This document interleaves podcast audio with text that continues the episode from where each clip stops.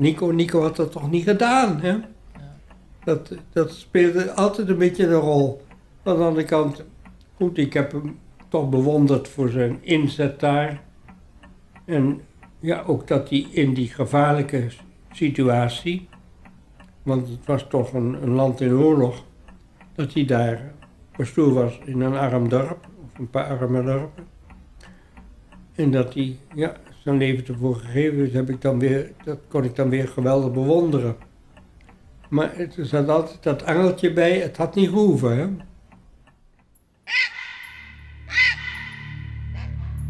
Het is 1 april 1985. Aasgieren cirkelen rond een 97 meter diepe kloof ergens in het noorden van de Libanese Bekaanvallei. Ze luiden het einde in van de dagenlange zoektocht naar de 44 jaar oude Nederlandse Jezuïet Nico Kluiters. Op 14 maart is hij voor het laatst gezien. Hij was in zijn auto gestapt onderweg naar zijn medebroeders. En nu die gieren. Een man daalt af in de kloof. Als ze hem omhoog takelen, hangt een compleet verminkt lichaam over zijn schouder. De vrouwen die toekijken herkennen de kleren. Hoop vervliegt. Het is Nico Kluiters. De onderzoeksarts zou enkele dagen later zijn autopsierapport afsluiten met de mededeling dat hij in de afgelopen tien oorlogsjaren nog niet zo'n gehavend lichaam onder ogen had gehad. Nico was het zesde slachtoffer onder de Jezuïeten in Libanon. Vermoord omdat hij christen was. Het Libanese bidprentje noemt hem martelaar vanwege zijn geloof en zijn liefde.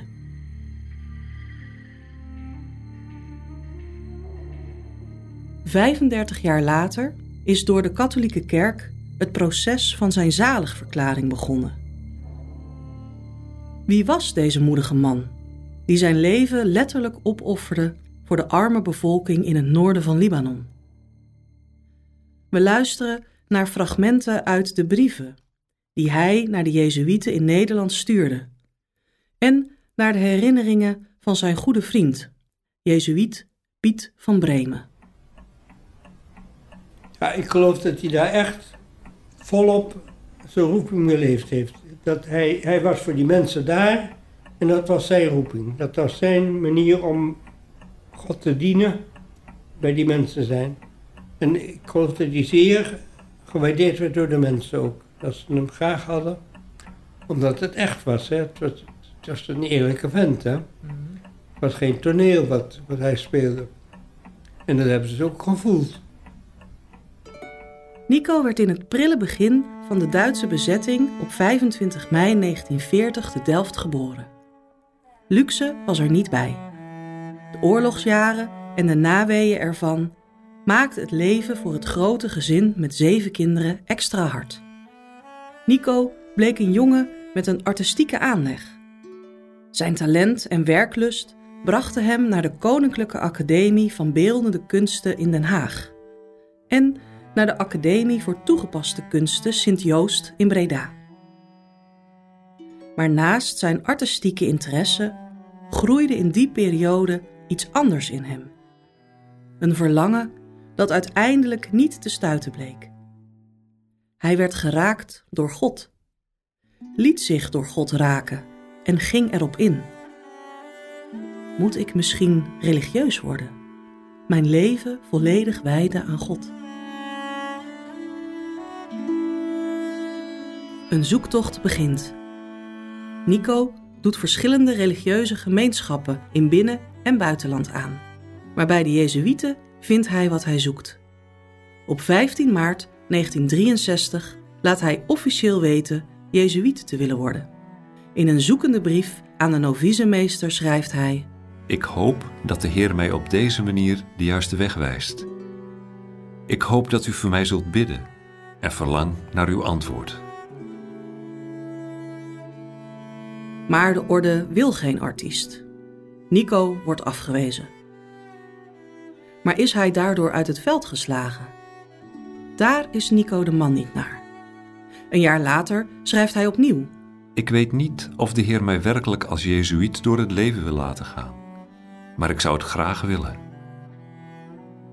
De aanhouder wint. Ruim twee jaar na zijn eerste brief aan de Sociëteit van Jezus begint hij aan het noviciaat van de Jezuïeten, een proeftijd van twee jaar. Daar ontmoet hij novicemeester Piet van Bremen, het begin van een levenslange vriendschap. En toen heb ik hem vooral opgevangen. En we konden elkaar goed verstaan hoor. Het klikt tussen ons. Dat was eh, vanaf het begin duidelijk. Daar hangt hij, hè? Naast zijn relatie is. Ja, ik zie het. Wat zegt dat, dat hij hier in uw kamer hangt? Nou, dat hij voor mij veel betekent. Nog steeds? Ja, ja, ja. Hoe, hoe, eh, hoe uitzicht dat dan? Nou, dat ik toch alles aan hem denk. Niet dat ik tot hem bid hoor, dat, eh, dat doe ik niet. Nee. Maar ik, ik denk met, met vreugde en inspiratie, het doet me goed om terug te denken aan wat wij samen beleefd hebben. Hm? En hoe, En- hoe typeert u dat, eh, dat wat jullie samen beleefd hebben? Die, waar ging dat over? Nou, de- clue daarvan was toch eigenlijk dat, dat God zoeken. Hè? Hoe kan ik mijn leven aan God geven? Hoe kan ik alles op die ene kaart zetten? Dat wou hij en dat wou ik. En daar hebben we elkaar, ik geloof, vooral getroffen. Was dat, is dat dan een eh, zoektocht of is dat voor hem op dat moment dat hij noviciaat gaat en besluit Jezuïet te worden, is dat dan helder wat dat betekent? Ik geloof dat hij in een noviciaat eigenlijk nooit twijfel heeft gehad, is dat mijn weg? Dat herinner ik me niet, dat, dat komt natuurlijk ook voor, hè, dat in novices ja, echt te dubben van, ja, zit ik wel op de goede weg of niet? En moet ik niet uittreden? En, de kun, en die weg is altijd open. Dat, in het noviciaat kun je weggaan als je wil. Daar hebben we nooit over gepraat, over weggaan. Dus daar niet over, maar er is dan wel nog steeds het zoeken van wat is dan, wat, ook misschien wel wat betekent het dan om Jezuïet te zijn? Of wat voor Jezuïet moet ik worden? Of, zijn dat dan vragen waar hij mee bezig Ja, dat zijn, ja, daar hebben we het zeker over gehad. Hoe, hoe kan ik met mijn talenten en met mijn karakter en met mijn manier van doen, hoe kan ik goed passen in, dat, in die orde? Daar hebben we het zeker over gehad. Zo zet Nico met volle overtuiging zijn eerste stappen in het Jezuïetenleven. Hij had de kunst vaarwel gezegd. Dat was een harde strijd geweest. Piet van Bremen zegt dat waarschijnlijk niemand weet hoeveel dat hem gekost heeft. Iets daarvan klinkt door in een brief die Nico begin mei 1965 schrijft. Ik heb T gezegd dat ik wilde intreden. Hij raadde mij aan met de kunst te stoppen. Niemand kan twee heren dienen. Hij dacht dat het zo goed als niet mogelijk was en een goed volledig priester en goed kunstenaar te zijn. Hij dacht: de kerk is een vrouw en zo is ook de kunst en je moet kiezen. Het gaat erom welke plaats ik inneem. Ik geloof dat het uitgangspunt moet zijn: wat kies ik? Kerk of kunst? En dan kies ik kerk. Wil ik de Heer zo volledig mogelijk dienen in de kerk, dan moet de kunst wijken. En ze moet uit mijn hoofd. En daarom moet ik ermee stoppen. Want zit de kunst weer in mijn hoofd, dan zal ik de kerk niet meer zien. Ik geloof voor mijzelf pas in vrede te kunnen zijn wanneer ik daar op die wijze achter ga staan. Geen roem en geen geld en geen bekendheid of naam, maar liefde voor de Heer, om Hem beter te leren kennen, om Hem te dienen. Als Nico er één jaar noviciaat op heeft zitten, wordt hij al uitgezonden naar de Nederlandse Jezuïetenmissie in het nabije Oosten. Dat is uitzonderlijk vroeg, maar hij wil het graag. Het was een grote stap op wat Ignatius van Loyola uitdrukt: een mogelijke, bepaalde weg naar God. In de woorden van Nico is het een ja tegen het leven. Hij dacht, of die manier kan ik me helemaal aan God geven. Kan ik de stap helemaal radicaal doen. Dan laat ik mijn, mijn, mijn vaderland achter me. Ik spreek een nieuwe taal, ik ga in een nieuwe cultuur. En dat is mijn nieuwe leven. Zo, zo geloof ik dat hij het beleefd heeft. Nico maakt in Libanon zijn noviciaat af en studeert hard op de Arabische taal. Dat laatste valt hem zwaar, letterlijk. Hij schrijft aan zijn mede-novice in Nederland. Het tweede studietrimester is bijna om. Taaie studie. Een buik vol Arabisch. Niet voor niets ben ik af en toe werkelijk studie en letter moe. Maar gisteren was ik overvloedig gelukkig. Met de kinderen van een naburige internaatschool ben ik een hele dag uit geweest. Naar de sneeuw. Het was een stralende dag en ik ben er met een verbrand gezicht, maar helemaal opgefrist van teruggekomen. Uiteindelijk krijgt hij de taal in zijn vingers, sluit hij het noviciaat af en bindt zich op 27-jarige leeftijd definitief aan de Jezuïetenorde met de gelofte van armoede, zuiverheid en gehoorzaamheid. Op 8 september 1967 schrijft hij: Voor eeuwig in de sociëteit van Jezus heb ik vanmorgen beloofd. De geloften heb ik in het Arabisch gezegd en mijn noviesmeester heeft ze ontvangen. Na de geloften was ik erg ontroerd. De Heer was erg goed voor mij, omdat Hij me deed beseffen dat Hij met me was en dat ik reëel in de sociëteit stapte.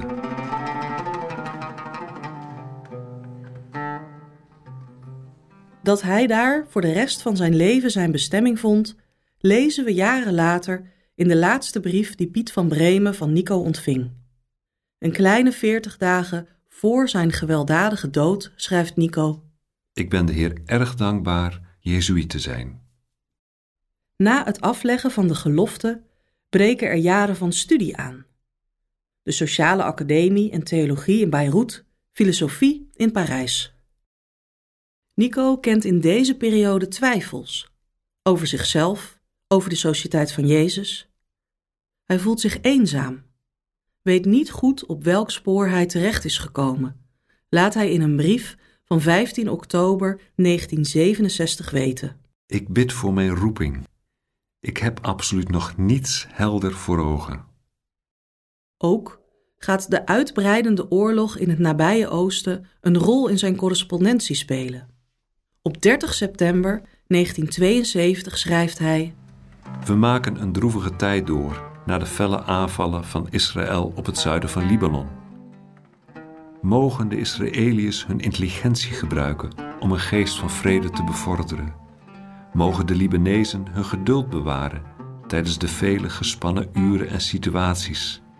En creatief genoeg zijn om de vele tegenstellingen in hun land te coördineren tot het welzijn van de Arabische landen. In de zomer van 1973 keert Nico terug naar Nederland om in Amsterdam de priesterwijding te ontvangen. Priesterschap, dat betekent voor hem dienstbaarheid zonder pretenties. Daarbij staat Jezus hem helder voor ogen. De Jezus van de voetwassing en steeds meer ook de Jezus die vrede brengt en daarvoor zijn leven geeft. In een brief die hij een maand voor zijn priesterwijding schrijft, legt hij iets bloot van het innerlijke proces uit de jaren daarvoor en hoe dat een inspiratie is voor de jaren die komen gaan. Mijn leven is een geleidelijke, soms bruske ontdekking geweest van de zin van het leven. Van het nut van ons eenmalig mens zijn. We leven niet voor niets en we zijn ook niet in het leven geroepen om weer in het niets te verdwijnen. Maar we zijn ook niet op dit planetaire dorp om er aan onszelf te denken. We zijn er dus om er met elkaar iets van te maken. Wat en hoe? Ik heb in Christus het antwoord op die vragen gevonden. Nu probeer ik in mijn leven dat waar te maken. Als kersverse priester keert Nico terug naar Libanon, om er als pastoor aan de slag te gaan in het noorden van de Bekaa-vallei. Een 160 kilometer brede hoogvlakte tussen de beide bergketens van Libanon. Daar vindt hij zijn werkelijke roeping. Hij woont er tussen de arme christenen, te midden van een hoofdzakelijk Sjiïtische bevolking. Piet van Bremen herinnert zich nog goed hoezeer Nico daar tot bloei kwam.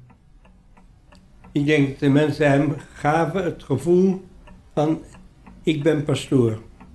Ik kan bij die mensen iets van Christus brengen. Ik kan het geloof daar een beetje verdiepen. Heeft zeker geprobeerd. En daarvoor ben ik jezuïet geworden en dat lukt nou. En ik geloof dat hij daar een hele goede tijd gehad heeft. Hm? Dus dat hij daar zijn roeping uh, echt beleven kon. Ik moet zeggen, het was geen belangrijke streek in de, in de Libanon. Waar, dat waren de arme mensen. En daar heeft hij zich met hart en ziel aan gegeven. Dat heeft hij echt helemaal gedaan. Voor die mensen was hij er. En, uh, nee, maar ik denk dat hij ook de mensen bezocht heeft. Dat hij bij de mensen thuis kwam. En dat hij geprobeerd heeft, dat meen ik ook te weten, dat hij geprobeerd heeft om ook een beetje sociaal contact, dat die mensen met elkaar contact hadden om hun eigen positie een beetje te verbeteren. Want het moet een arme streek geweest zijn. En dat hij geprobeerd heeft om daar een beetje meer ja, welvaart in te brengen. Nico is dorpspastoor in drie, soms vier dorpen. Daarnaast bezoekt hij scholen om met lekencatechisten godsdienstonderwijs te geven. Per auto legt hij grote afstanden af, tot duizend kilometer in de week. Het werk is afmattend, de eenzaamheid soms bijna tastbaar. Met enige regelmaat kan hij gelukkig afreizen naar de Jezuïetencommuniteit 80 kilometer verderop. Daar vindt hij steun voor zijn missie, kan hij zijn verhaal doen en op adem komen. Welkome afwisselingen. Maar zijn werk komt ook onder steeds grotere druk te staan door de burgeroorlog die oplaait in Libanon. Een dreiging sluipt zijn brieven binnen. In juli 1975 schrijft hij: Hier in Libanon is sinds enkele maanden veel verwarring. Het land raakt steeds meer in een algemene oorlogssituatie. Er zijn voortdurend gijzelingen en moordpartijen. Velen verlaten hun huizen. De christenen gaan bij de christenen wonen en de moslims bij de hunnen. De middelbare scholen en universiteiten blijven gesloten. De leerlingen en studenten zijn onder de wapenen, ieder in zijn eigen familie of paramilitaire beweging. Vele Jezuïeten hebben hun werk al lang moeten staken. Een pater kwam om in een vliegtuigongeluk, of was het een aanslag vlak bij de Libanese kust. Een ander werd doodgeschoten op straat.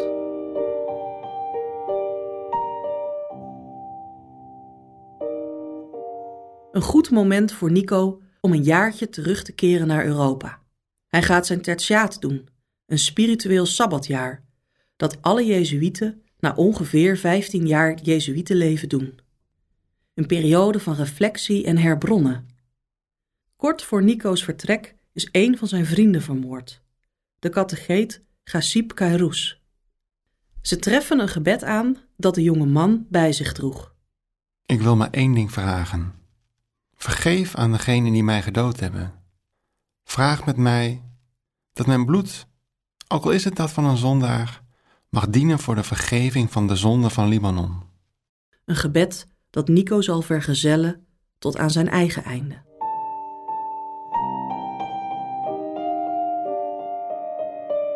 Het tertiaat gaat door. Wat er deel van uitmaakt, is een 30-daagse retraite in stilte. Piet van Bremen is Nico's geestelijk begeleider. Hij herinnert zich nog goed dat tijdens de 30-daagse het lijden een grote rol speelde in de meditaties van Nico. Christus, met wie hij innig verbonden was en nog meer verbonden wilde zijn, had geleden en dat was geen bijkomstigheid.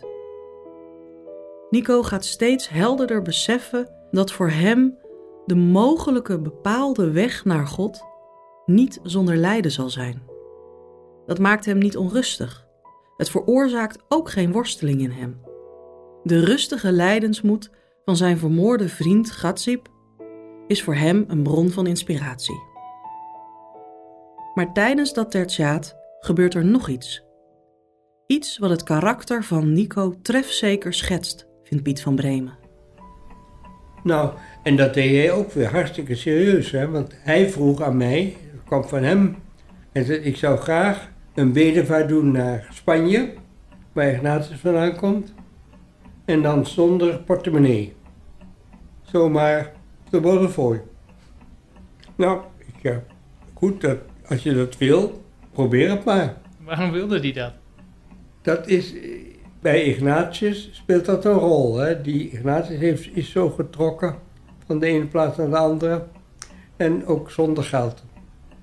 En hij wou, ik, ik denk, dat is dat radicale wat er in hem zat. Hè? En ik heb gezegd, goed, als je het wilt, dan doe maar, probeer maar.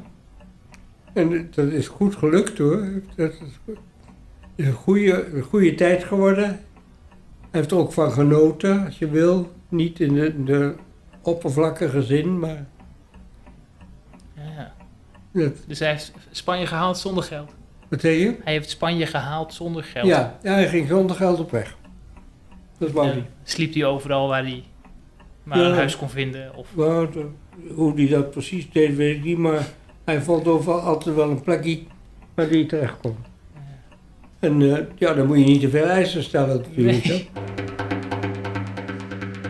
Na zijn tertiaat, waarin hij een ernstig auto-ongeluk krijgt, waar hij maanden van moet revalideren, keert Nico uiteindelijk terug in zijn geliefde BK-vallei.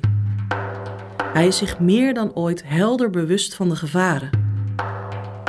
De moord op zijn vriend, Gatsip, heeft hem er van heel nabij mee geconfronteerd. Nico leefde met angst, maar is dapper en vol hernieuwd vuur. Na enige maanden merkt hij op dat de situatie verbetert. Maar vanaf 1978 begint de terreur zijn brieven weer te vullen. Op een van de laatste nachten van juni vielen gewapende troepen die dorpen binnen en werden 26 mannen uit hun bed gelicht. Vele van hen waren geëngageerd in een christelijke politieke partij. De mannen werden weggevoerd uit het dorp, door de tuin, in auto's gezet en, een veertigtal kilometer verderop, vermoord.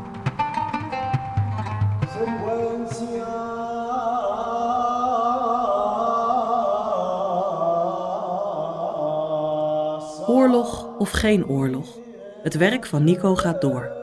Het lezen van de mis in de verschillende dorpen, de vorming van jongeren, het sociale werk. Steeds onder dreiging. De spanning schemert door in zijn correspondentie. In 1980 schrijft hij over de viering van kerstmis. De wegen waarover ik rijd naar mijn dorpen zijn onveilig. Kidnapping, moord, versperringen. Ons eigen huis is beschoten. Het telefooncontact is meer dan ooit verbroken. Vaak geen elektriciteit. Toch is de kerstnacht een geweldig feest geweest. Volle kerken, gebed en gezang uit volle borst, urenlang biecht horen en veel communiceren. Voor in de kerk geweldige kerststallen en in de harten van het gelovige volk een diepe vrede, waarvan het geheim zijn oorsprong vindt in die vrede die heerste in de kerstnacht tussen het kind, de moeder en de heilige Jozef, de os en de ezel en de herders. De oorlog houdt aan. En hoewel Nico de vreugde niet verliest, doemt in zijn brieven ook de vraag op of hij moet blijven of zal vluchten. Eind 1982 schrijft hij een terugblik op dat jaar. Hij vermeldt dat honderden christenen zijn ontvoerd door moslims, waarvan er enkele zijn vermoord. Een priester werd stevig mishandeld. Een bisschop en twee vicarissen werden gekidnapt, maar ook weer vrijgelaten. Toch schrijft hij als conclusie: Feitelijk ben ik dit jaar meer dan ooit een echte missionaris geweest. Iemand die zich geheel geeft aan zijn hem toevertrouwd volkje. en daarvoor bereid is om ontbering en eenzaamheid te trotseren.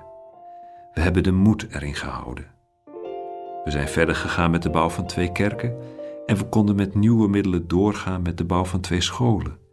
En hebben we gedaan gekregen dat enkele zusters van een Libanese congregatie zich zijn gaan geven voor het begeleiden van het schoolprogramma. Het is voor mij een dankbare ervaring ergens in de wijngaard van de Heer iets nuttigs te mogen doen. De voornaamste taak van Nico in het noorden van Libanon was vrede stichten. Niet om de burgeroorlog ten einde te kunnen brengen. Het gebeurde op kleinere schaal. De vetus tussen families ging er diep. De heilige wraak was meedogenloos. Met geduldige vasthoudendheid zwoegde Nico tien jaar om vrede te stichten. Wie kan vermoeden of begrijpen wat hij daar tot stand heeft gebracht? Door te preken en te praten. Maar dat niet alleen. Hij bouwde eigenhandig een fabriekje, een kerkuitbreiding, een kliniek, een school, een klooster voor zusters, een huis voor zichzelf en hij legde irrigatiekanalen aan. Uitdrukkingen van geloof, hoop, toekomst, samenwerking en liefde. Hij wilde de christenen een reden geven om te blijven. En Nico wist waarover hij het had. Hij was naast priester gediplomeerd sociaal werker. Een apostolaat waarin alle grote lijnen en talenten uit Nico's leven tot hun recht kwamen. Als wij hier geduldig durven doorgaan te leven, met geloof in de goedheid van onze naasten, ondanks alle verwarrende uitdrukkingen van geweld. Als wij hier gelovig doorgaan met een vurig gebed tot de Heer van de Vrede, als wij hier onze onmacht opdragen aan Zijn barmhartigheid, zal Hij ons dan verlaten en moeten ook wij op een dag wegtrekken zoals zoveel anderen? Of, of zal Hij dan, niet omwille van ons zondaars, maar omwille van Zijn liefde en op voorspraak van Zijn engelen en heiligen, ons Zijn goedheid opnieuw tonen en Zijn kerk een nieuw elan van groei en vrede geven? Nico vroeg zich af of hij, de artiest die diep in hem huisde, misschien toch een plek heeft kunnen geven in Libanon. Had hij niet daar zijn grootste schilderij voltooid, met de verf van de goedheid van zijn mensen en met de penselen van Gods inspiratie? Zijn omgeving heeft het wonder gezien dat zich daar voltrok, maar het mocht niet waar zijn van sommigen. Nico verstoorde met zijn sociale werk de politiek van de Syrische bezetter. Die kreeg in Barca, waar hij pastoor was, geen voet aan de grond. Of was er ook jaloezie in het spel? De christelijke dorpen ontwikkelden zich ondanks de oorlog. De leefomstandigheden verbeterden door de inzet van Nico. Bleven de moslimdorpen achter? Een uitzonderingspositie is in oorlogstijd altijd slecht te verteren. Ze moeten gedacht hebben dat wie de herder vermoordt, de kudde verstrooit.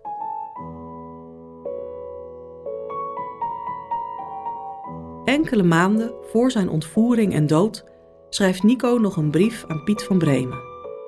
Het zal de laatste worden. Het slot ervan is tekenend.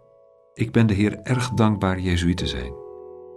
Maar ik ben zo'n onwaardige Peter Hans Kolvenbach vraagt mij nog een paar jaar in de dorpen van Libanon te blijven. Graag je gebed. Het is zo'n kleine wereld en ik ben er vaak alleen. Vraag de Heer met moed er weer terug te keren en goed te doen. Goed te doen. Nico blijft zich met grote werklust geven aan de mensen in Libanon. Hij denkt misschien al aan de Goede Week en het licht van Pasen die voor de deur staan. Maar dan slaat op 14 maart 1985 het noodlot toe. En dan was daar natuurlijk die, die plek waar je niet naartoe moest, waar je niet langs kon rijden in de buurt. Want daar zaten dan die opstandelingen. En hij heeft iedereen altijd afgeraden om die weg te nemen. Niet doen, niet doen. En toen verdomme heeft hij het zelf wel gedaan een keer.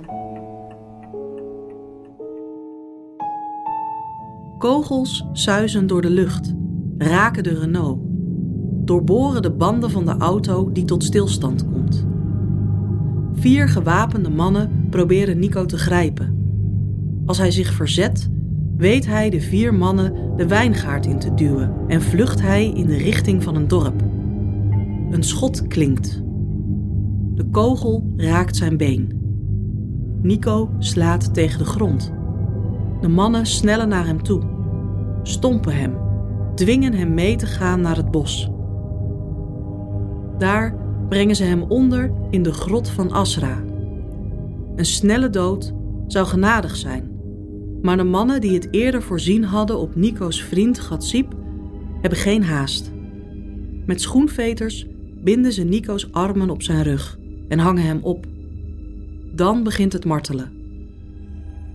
Een ooggetuige zou later verklaren dat geen mens ter wereld kon beschrijven wat er gebeurd moet zijn.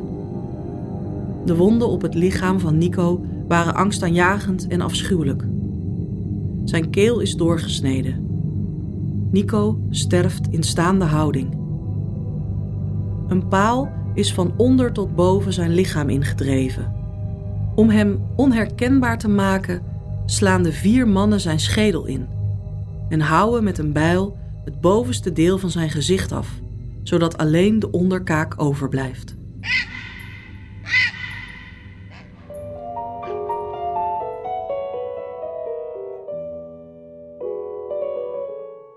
Nico Kluiters.